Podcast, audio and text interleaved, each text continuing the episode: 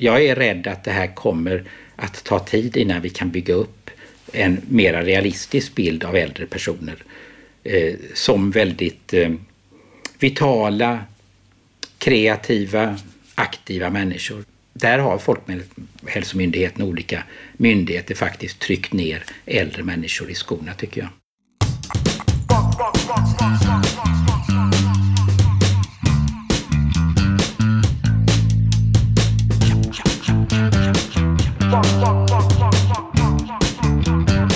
Akademiliv är tillbaka, idag med fokus på våra äldre och covid-19.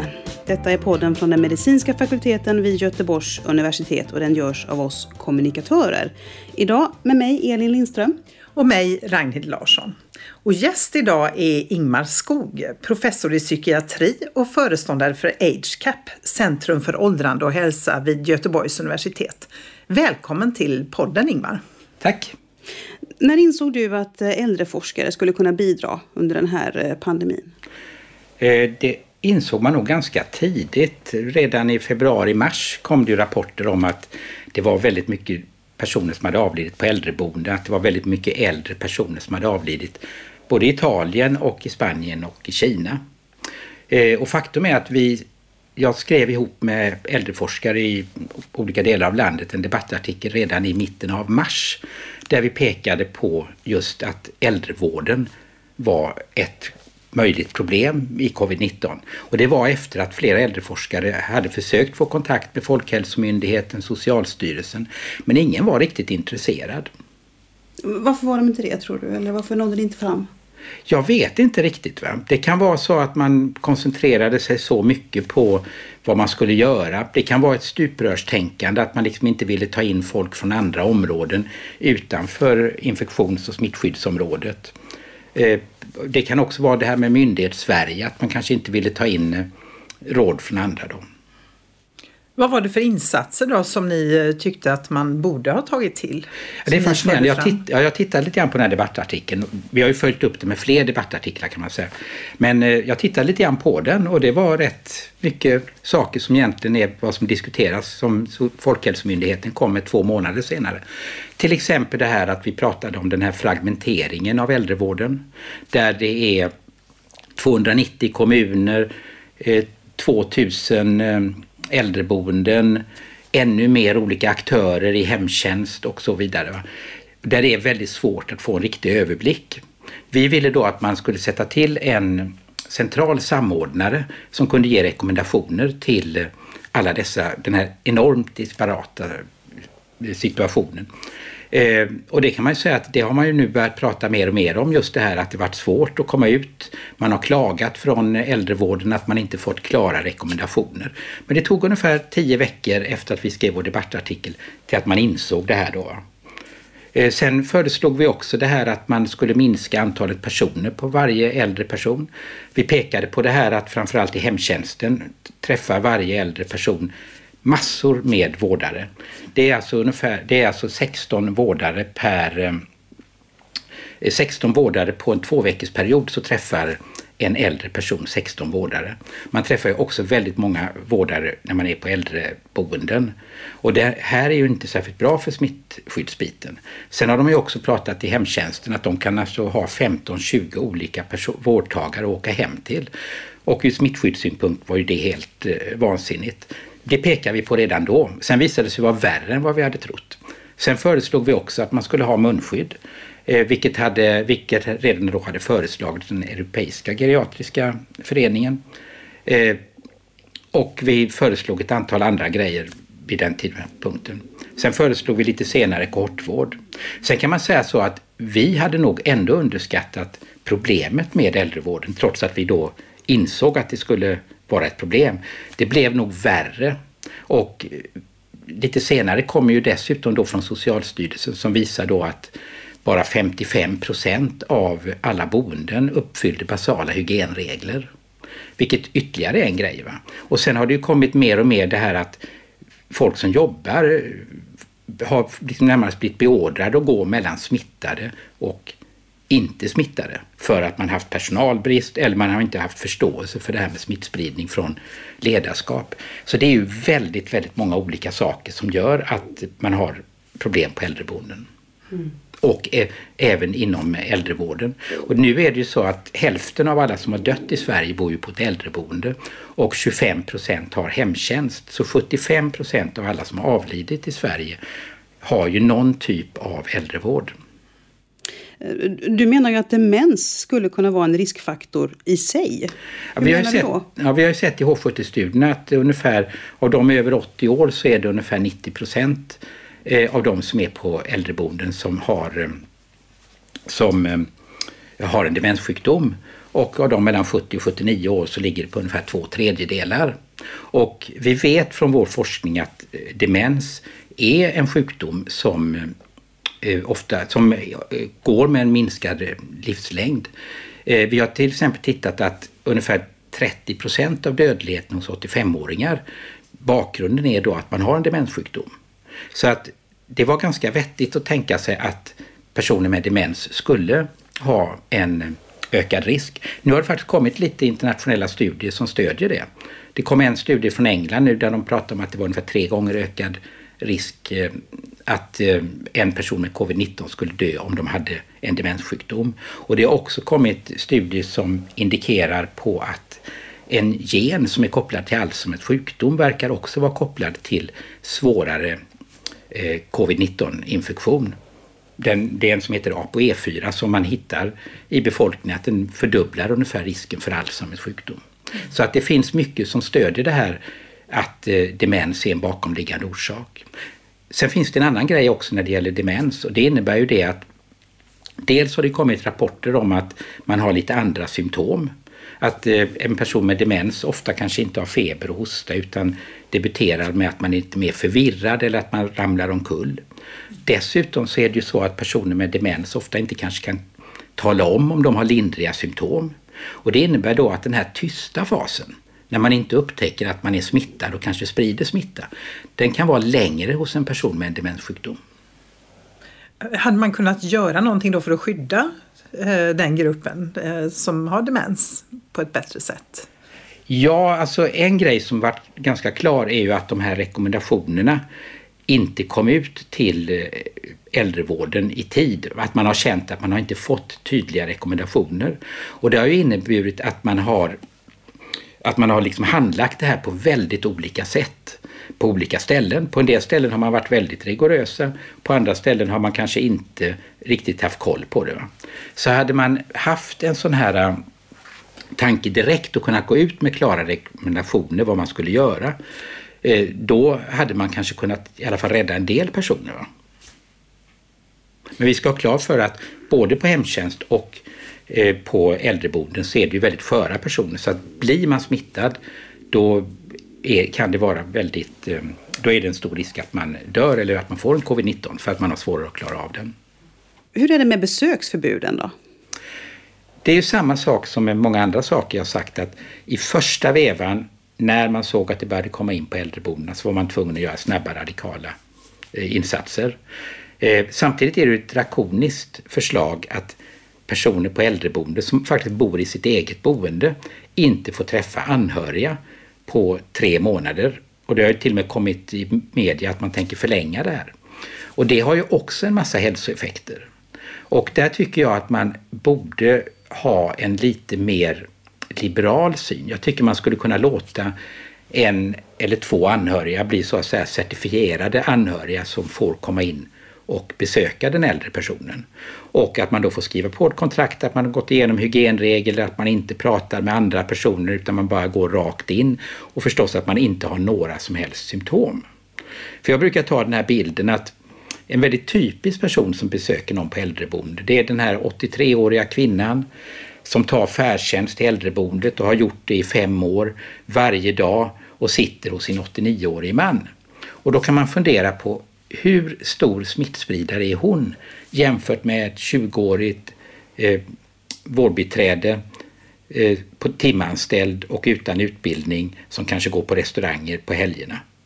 Där tycker jag man faktiskt borde kunna komma med rekommendationer som lättar upp det här. För att det finns ju en massa olika konsekvenser för den här personen som blir isolerad och inte träffar sina anhöriga. Ofta är det ju som sagt att man har en demenssjukdom vilket kanske gör att det är svårt att förstå varför anhöriga inte kommer på besök. Eh, man kan få förvirringstillstånd. Det finns rapporter om folk som får ångestsymptom. Så där hoppas jag verkligen inte att man bara gör en total stopp när man ska besluta om fortsättningen över sommaren. Utan att man faktiskt här har rekommendationer hur man ska kunna göra det här på ett bra sätt. Det här när vi pratar om äldre, det är ju en väldigt stor grupp med väldigt olika förutsättningar. Alltså det kan ju vara så att man råkar vara 70 plus men lever ett superfriskt och jätteaktivt liv. Um, hur, hur, hur, kan man påverkas av de här eh, rekommendationerna tror du som kommer? Att man om man är 70 plus ska hålla distansen och helst isolera sig och uh, inte träffa sin familj och sådär. Alltså det påverkar ju självbilden väldigt mycket och det är ju väldigt många eh, som är det här vi säger 70-plussare som har blivit väldigt deprimerade redan av det. För att eh, vi pratar ju, från H70-studierna har vi ofta pratat om det här att 70 är det nya 50. Det vill säga att en eh, 70-åring idag kanske är som en 50 eller 45-åring var för 50 år sedan. Man är fysiskt mycket starkare, man är intellektuellt mycket bättre, och man lever ett väldigt aktivt liv. Vi pratar ju ofta om att 70 är det nya 20 och då handlar det ju om attityden hos en person som är i 70-årsåldern idag.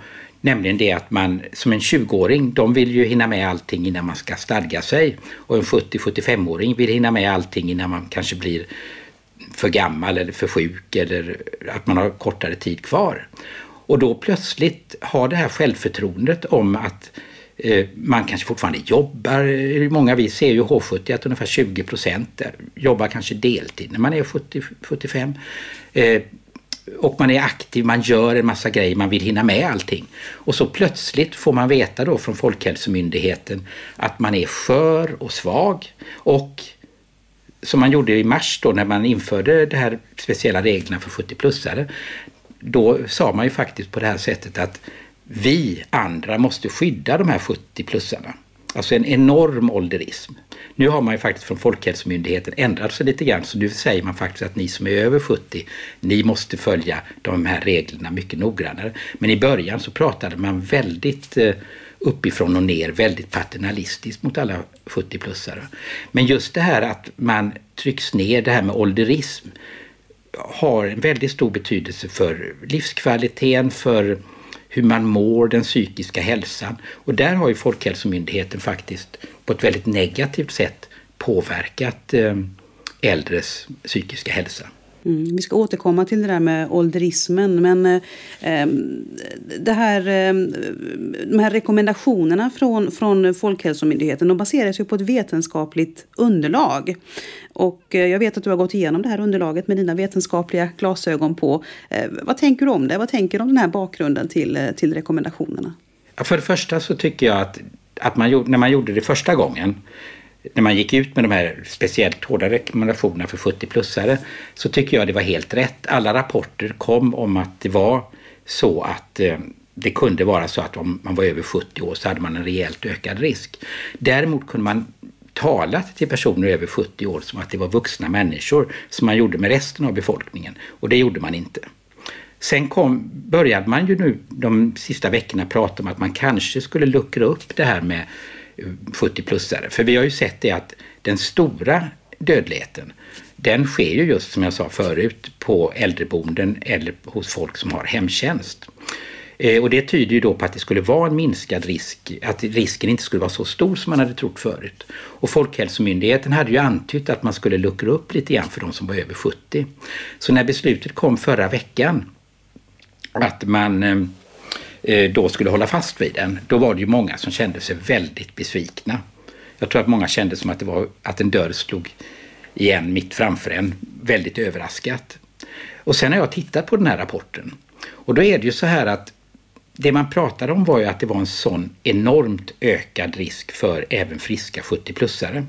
Och eh, då är det ju olika grejer. Dels har man jämfört med 50-55-åringar och risken för en 70-75-åring att avlida eller få covid-19. Och då har man sett att det ligger på ungefär 2,5-3 någonting. Eh, och eh, Men då är det ju så här att 50-55-åringar innehåller ungefär hälften av de som då har en covid-19. Det är ju sjukvårdspersonal som har testats när de har väldigt lindriga symptom. Så redan där så kan man säga att man överskattar ålderseffekten. Men sen är det dessutom så att ska man prata om risken för en person som är mellan 70-75 eller 75-79 då kan man ju inte jämföra med en yngre grupp. För att man måste ju också veta vad är den reella risken. För är du ja, med stigande ålder så är det ju så att är du 70-75 så har du en ökad risk för nästan allting. Men går jag ut på gatan så kanske jag har tio gånger ökad risk att eh, ramla och kanske bryta benet än vad en 50-åring har. Och jag går ju ut ändå, jag tar den risken. Eh, och då, om man då tittar lite grann på den här risken, alltså att en 70-åring verkligen ska få det här och tar bort alla som har äldreboenden och alla som har hemtjänst. Då blir risken ungefär fyra gånger har jag tittat där eh, jämfört med en 50-åring. Men då är det fortfarande så att 50-åringarna till hälften består av folk med lindriga symptom. Så säg att risken är två gånger. Och då ska man ju också tänka på vad är risken att man överhuvudtaget ska dö? Och om man då tänker så här, om, om man då tänker att det är så här att säga att en 50-55-åring har en dödsrisk på 0,1 procent. Det här är väldigt osäkert för det är ingen som riktigt vet det än men det, det brukar ofta prata om några sådana siffror. Om det då är en fördubblad risk då är risken att dö 0,2 procent på en 70-75-åring. Och kanske om man tar inte räknar med det här att det är folk med milda symptom bland 50-55-åringarna så kanske det är 0,4 procent. Och det är ju väldigt skillnad mot att man säger att det är fyra gånger ökad risk eller som en del har sagt att det är hundra gånger ökad risk. Utan man måste se på den individuella risken. Men det säger fortfarande ingenting om hur det påverkar sjukvården. För då måste man ju se efter på andra saker. Och ser man på sjukvården, till exempel IVA, då är det ju eh, män som står för 75 procent av vården. Och är helt dominerande jämfört med kvinnor. Och tittar man på personer som är Eh, som är mellan 70 och 75 eller mellan över 70 och ta bort alla som har hemtjänst och som har eh, äldrevård. Ja, då är det 75 procent av alla som har dött som är män i den gruppen också.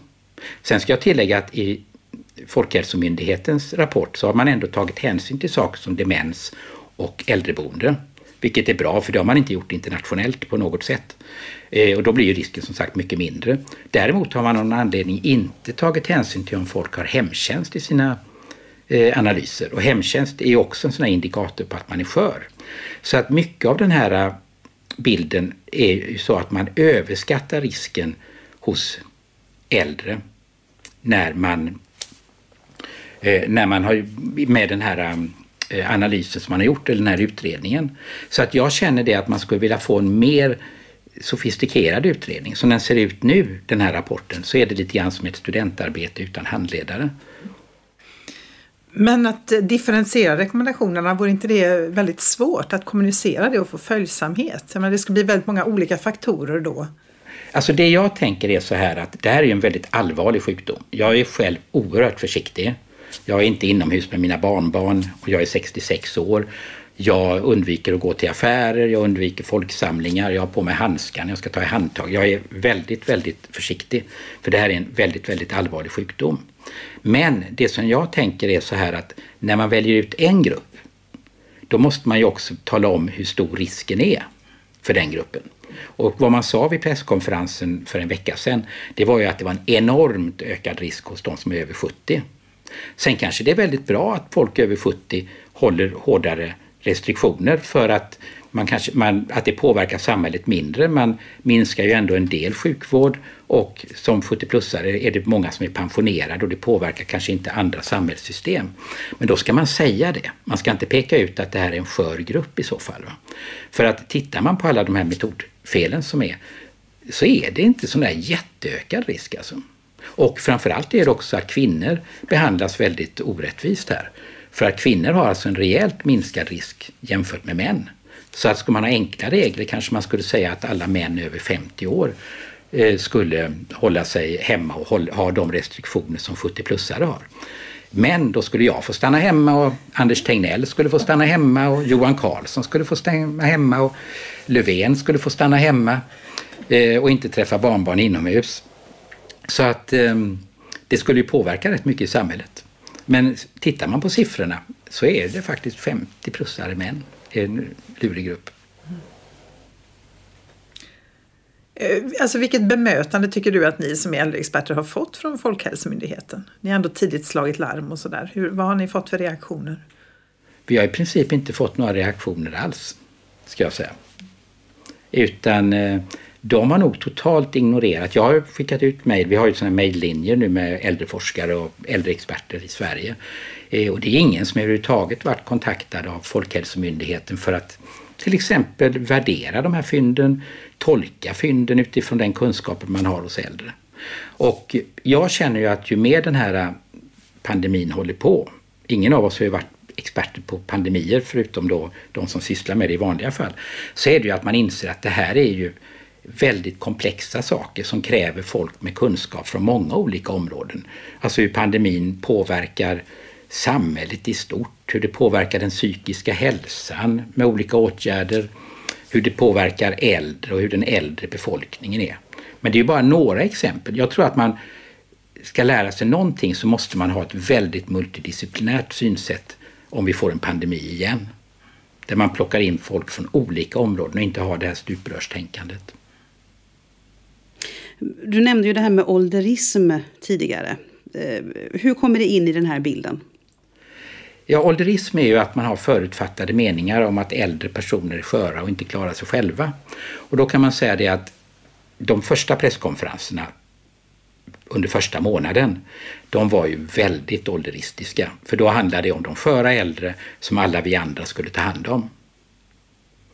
Och eh, det var väldigt förvånande. Alltså det var en syn på äldre som var ungefär som när jag och Anders Tegnell gick våra läkarutbildningar. Sen har jag då sysslat med äldreforskning i hela mitt liv och han har sysslat med infektionssjukdomar i Afrika.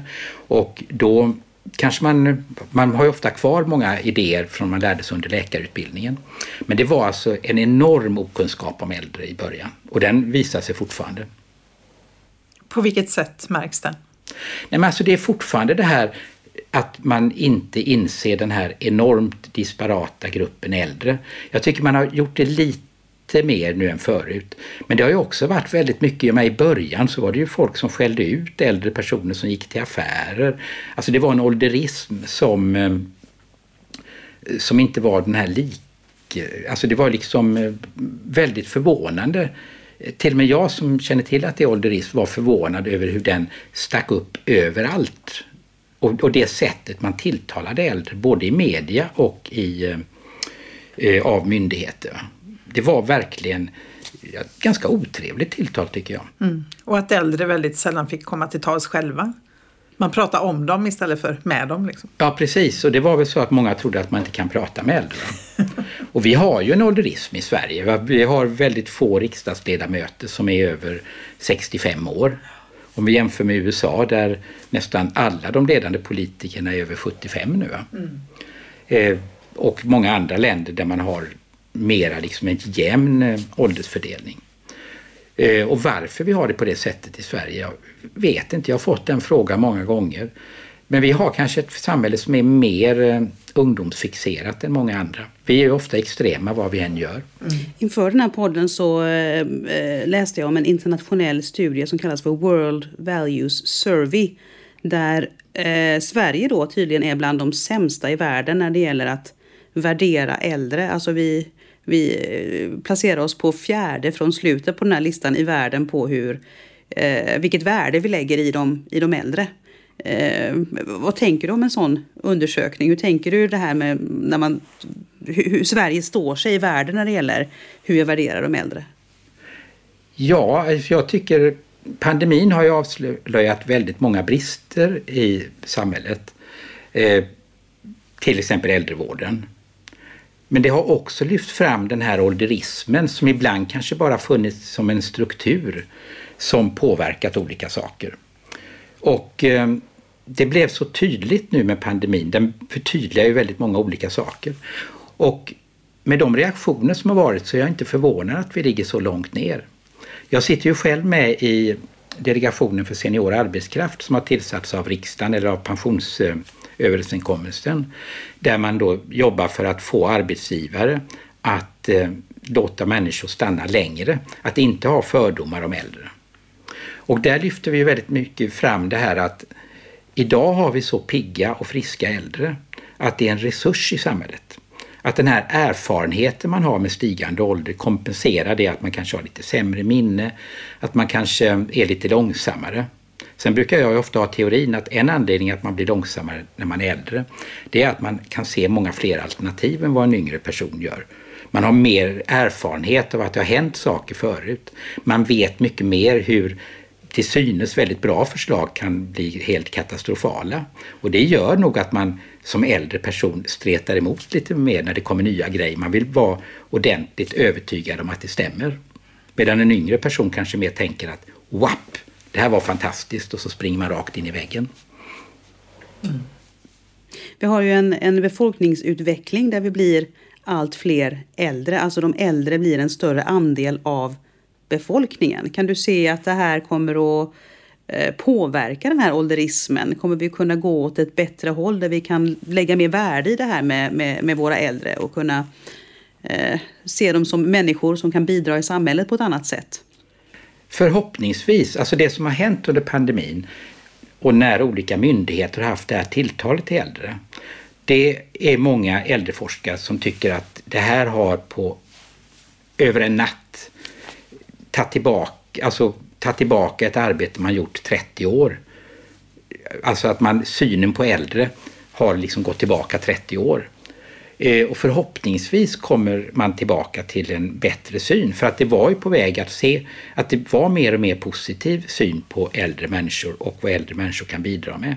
Men där har man alltså en av, kan vara en av katastroferna med pandemin att just ålderismen blir ännu starkare och fördomarna om äldre blir ännu starkare. Mm. Mm.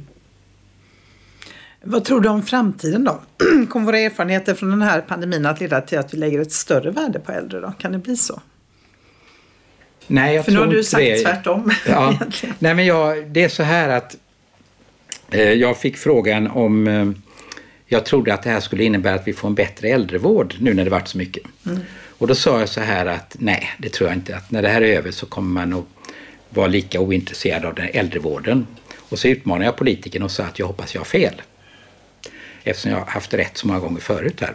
Och eh, samma sak här. Jag är rädd att det här kommer att ta tid innan vi kan bygga upp en mera realistisk bild av äldre personer eh, som väldigt eh, vitala, kreativa, aktiva människor.